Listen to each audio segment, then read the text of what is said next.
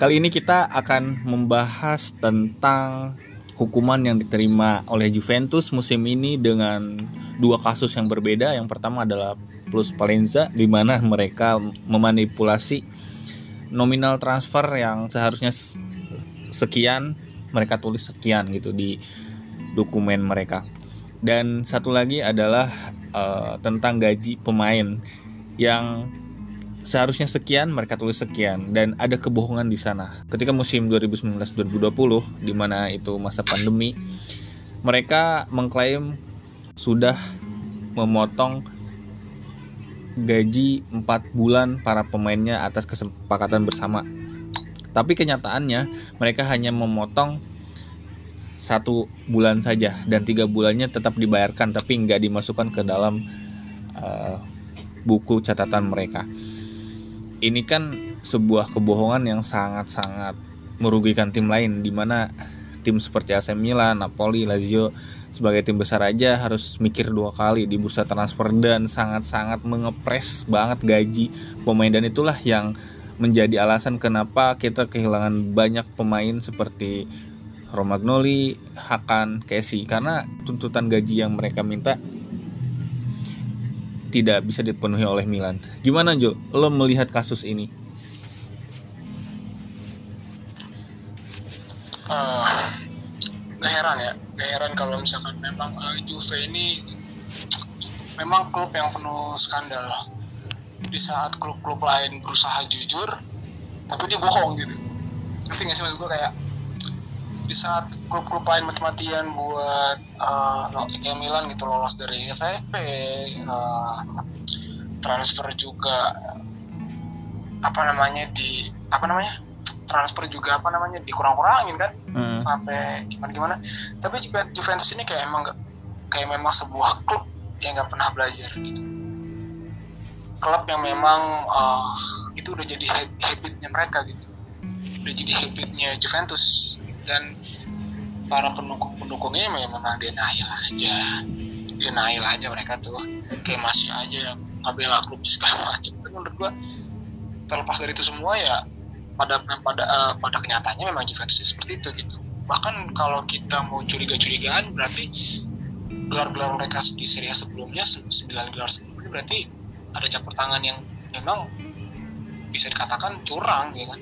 Kalau kita uh, bisa bisa asal asal asal ngomong gitu ya, asal asal bunyi aja gitu asbun gitu gitu karena kalau kita ngeliat dari rekam jejak mereka dari transfer aja mereka memasukkan memalsukan data-datanya memalsukan nominalnya gitu apalagi masalah gelar gitu. mereka bisa dengan udah memainkan itu semua gitu. dan mudah-mudahan juga netflix cabut kan hmm. ini kan secara tidak langsung mereka berkompetisi dengan pemain-pemain yang sebetulnya tidak bisa mereka beli. Iya, betul. Pemain-pemain yang sebenarnya nggak nggak sanggup mereka beli, tapi ya disanggup sanggupin, kayak gitu. Bah, bah, bahkan bahkan uh, menurut gua uh,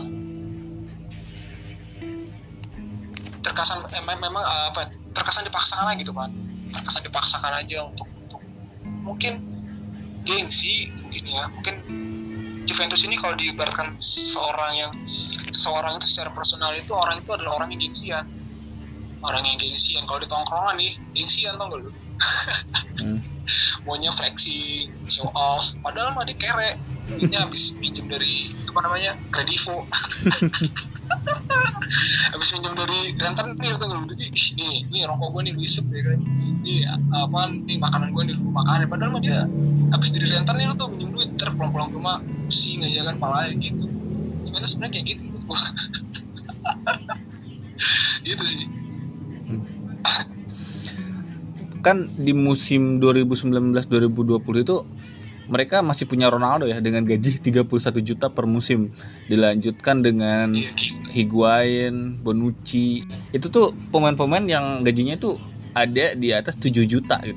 Ini kan sebuah kesenjangan nyata dengan tim besar lainnya. Jangan ngomongin soal Spezia lah gitu. Dengan Milan dan Inter aja mereka jauh banget gitu dalam uh, penganggaran gaji pemainnya. Ini kan sangat-sangat apa ya? Uh, malah malah aneh menurut gue ini baru bisa dieksekusi tahun ini gitu harusnya udah dari kemarin-kemarin seharusnya dan PNS Jupe masih nggak Iya, terima makanya- ya Iya makanya ma- makanya kan makanya kan kemarin lu bilang eh, semoga FIGC itu jujur lu bilang gitu kan. hmm, Lu bilang kan gitu kan. Berarti kan ya kita berharap semoga FIGC adil gitu. Dan yang gue bingung kenapa kasus ini tuh baru ketahuan sekarang. Kenapa nggak dari kemarin? Itu yang itu yang menurut gue aneh gitu Eh, seorang Cristiano Ronaldo 30 berapa semusim 31 juta gila 31 juta buset tuh berapa kali gajinya Leawas itu mah starting Milan kali Iya, start, gila starting starting levelnya Milan itu. gila banget. Kalah kali gua rasa mah starting level Milan itu. iya kayak masih kurang gitu apa squad Milan, Jo? Sendiri gila. Iya, set dah, itu sama itu berapa tahun gajinya Mesias itu.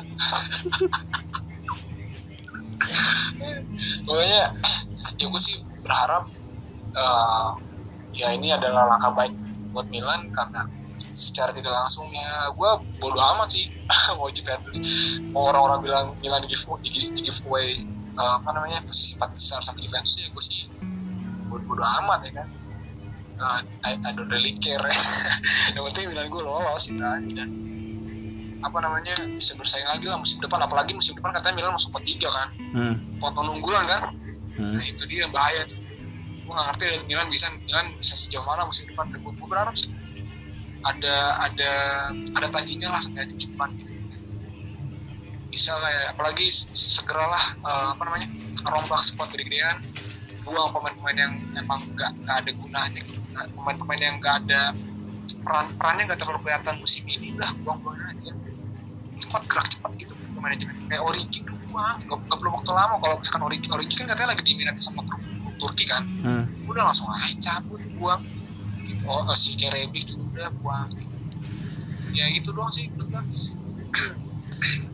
di di satu sosok yang paling gue sangat hargai meskipun gue nggak kenal eh, dia nggak kenal gue ya Maldini gua. ini orang paling all out on point cuma ya itu doang kekurangannya ya dia nggak bisa bergerak nggak bisa bergerak banyak dalam bisa transfer kan karena dibatasi biaya transfernya sama klub kalau dia dikasih biaya transfer gede bisa jor-joran kok gue ya. 2018 dia jor-joran kok waktu beli Pakueta 35 Piatek 28 mungkin kalau mungkin kalau mungkin masih ada Svonimir Boban nih di, tubuh Milan saat ini bisa jadi referensi buat beli pemain depan karena kan Boban eh, ketika masih masih aktif bermain kan dia juga sangat gelandang serang juga. Boban sekarang di FIFA iya kerja di FIFA sekarang ya gajinya lebih gede lah ya kan berkata kayak tadinya kerja kerja di Alfamart sekarang kerjanya di ini ya kan di mana di kementerian Iya di kementerian ya kan. Iya kan di, lu biasanya kerjanya sama Maldini. Sama Maldini kerja di Alfamart. Eh cabut. Kerjanya sekarang di kementerian ya kan, dia cukai. Jadi dia lah. Tapi balik lagi Maldini sekarang apa ya rekannya sekarang Masara sama Moncada ya bertiga ya. Ya udah, dia berharap aja lah musim depan dengan budget 70 juta bisa beli pemain yang bagus. Bisa berbicara banyak di kompetisi lokal. Ya bisa matahin dominasi eh, Inter karena Inter lagi ya Inter Napoli musim depan juga pasti mereka bakalan upgrade lagi apa yang kurang dari eh, tim mereka Eh, Juventus juga Roma Lazio pasti banyak banyak, banyak banget perubahan musim depan. Gue, gue juga gak sabar sih musim, de- musim depan tuh kayak kayak apa. Menurut lo, apakah musim depan target Milan masih untuk lolos empat besar di Liga dan lolos dari fase grup di Liga Champion? baik lagi karena target uh, pasti berubah berubah berubah ya. Sesuai dengan uh, apa namanya peningkatan dan performa tim ketika perfor- uh, ketika sebuah tim meningkat bagus pasti targetnya juga lebih meningkat lagi. Tapi ketika sebuah tim targetnya terkesan datar bahkan menurun pasti targetnya berubah lagi kan kayak gitu. Kalau kita berpikir kayak ini andai aja andai aja musim ini Milan bener-bener dikdaya main bagus uh, bisa uh, juara Serie A. Gue yakin banget targetnya Milan ya juara UCL ya cuma karena Milan udah, udah gitu satu lagi. Uh, pemain-pemainnya rata. Dan benar kata bang bang Taufan bang Adi tadi. Uh, squad ini gemuk gitu. Squad ini gemuk. Bisa bagus dan dan bisa targetnya juga beda lagi pak. Musim ini kan Milan hampir nggak bisa lolos ke Liga Champions sebetulnya kalau Juve nggak dikurangin poinnya.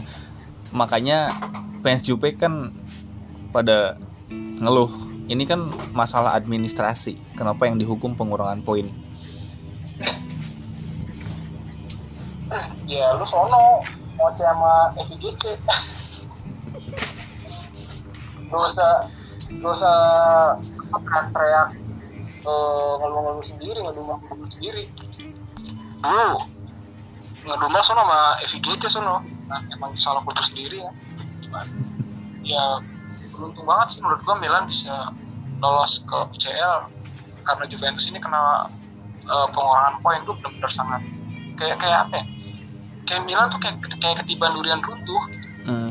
di saat Milan lagi begini terus tiba-tiba kayak kita tuh Juventus kena pengurangan 10 poin kayak gue kayak gak nyangka gitu loh gue udah hopeless kan. Jadi Milan nih Milan gak bakal lolos UCL musim depan gitu kan. Terus juga kalau misalkan Milan lolos UCL juga posisinya Pioli bakal terancam pasti karena kan target uh, manajemen juga Milan harus lolos UCL tapi ya sekali lagi Pioli Pioli terselamatkan. Pioli lagi-lagi terselamatkan.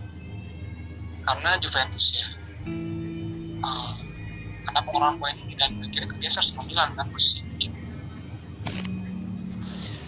selain denda minus 10 kan Juve juga didenda 718 240 ribu euro harga yang cukup kecil untuk pelanggaran yang sudah dilakukan mereka selama bertahun-tahun menurut lo gimana?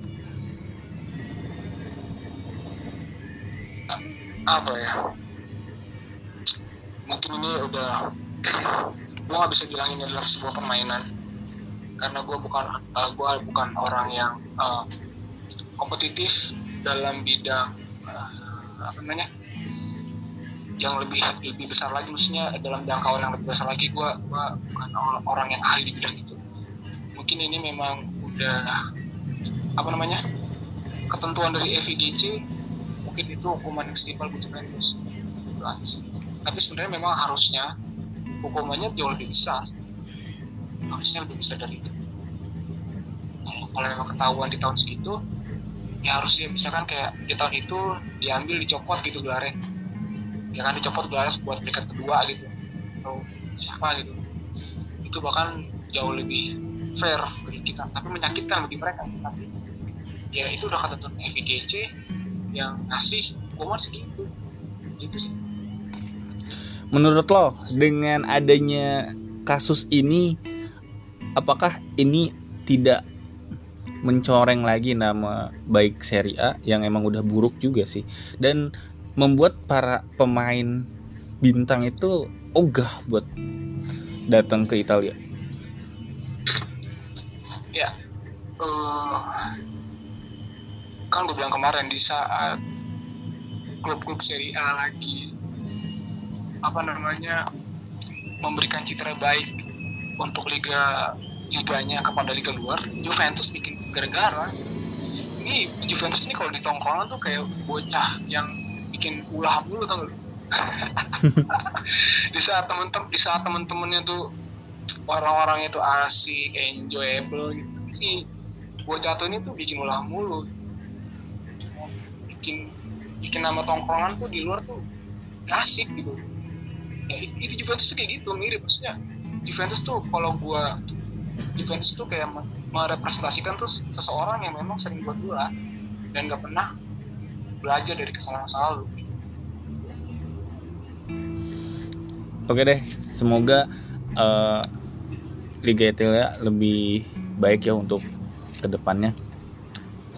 Untuk musim ini menurut lo berapa rating untuk AC Milan 1 sampai 10?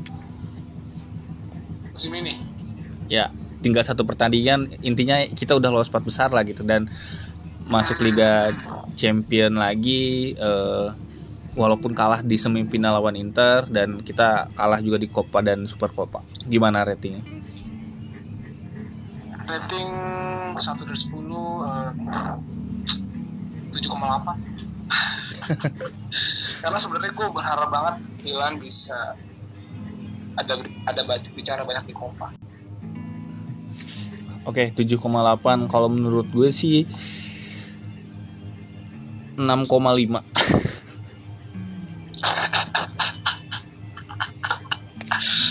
ya ya karena gue bilang kenapa 7,8 karena eh, ada ada ada ada nama UCL situ. Milan masih masih ada balik UCL dan Milan masih masuk empat besar. Itu aja sebenarnya. Kalau nggak ada nama itu gue bisa kasih Milan di angka 7 mungkin 7 atau 6 itu Oke deh Jo, thanks buat waktunya ya. ya siap siap siap, siap. Kalah menang imbang apa pun Oke, itu kita tetap teriak. Forza Milan. Forza Milan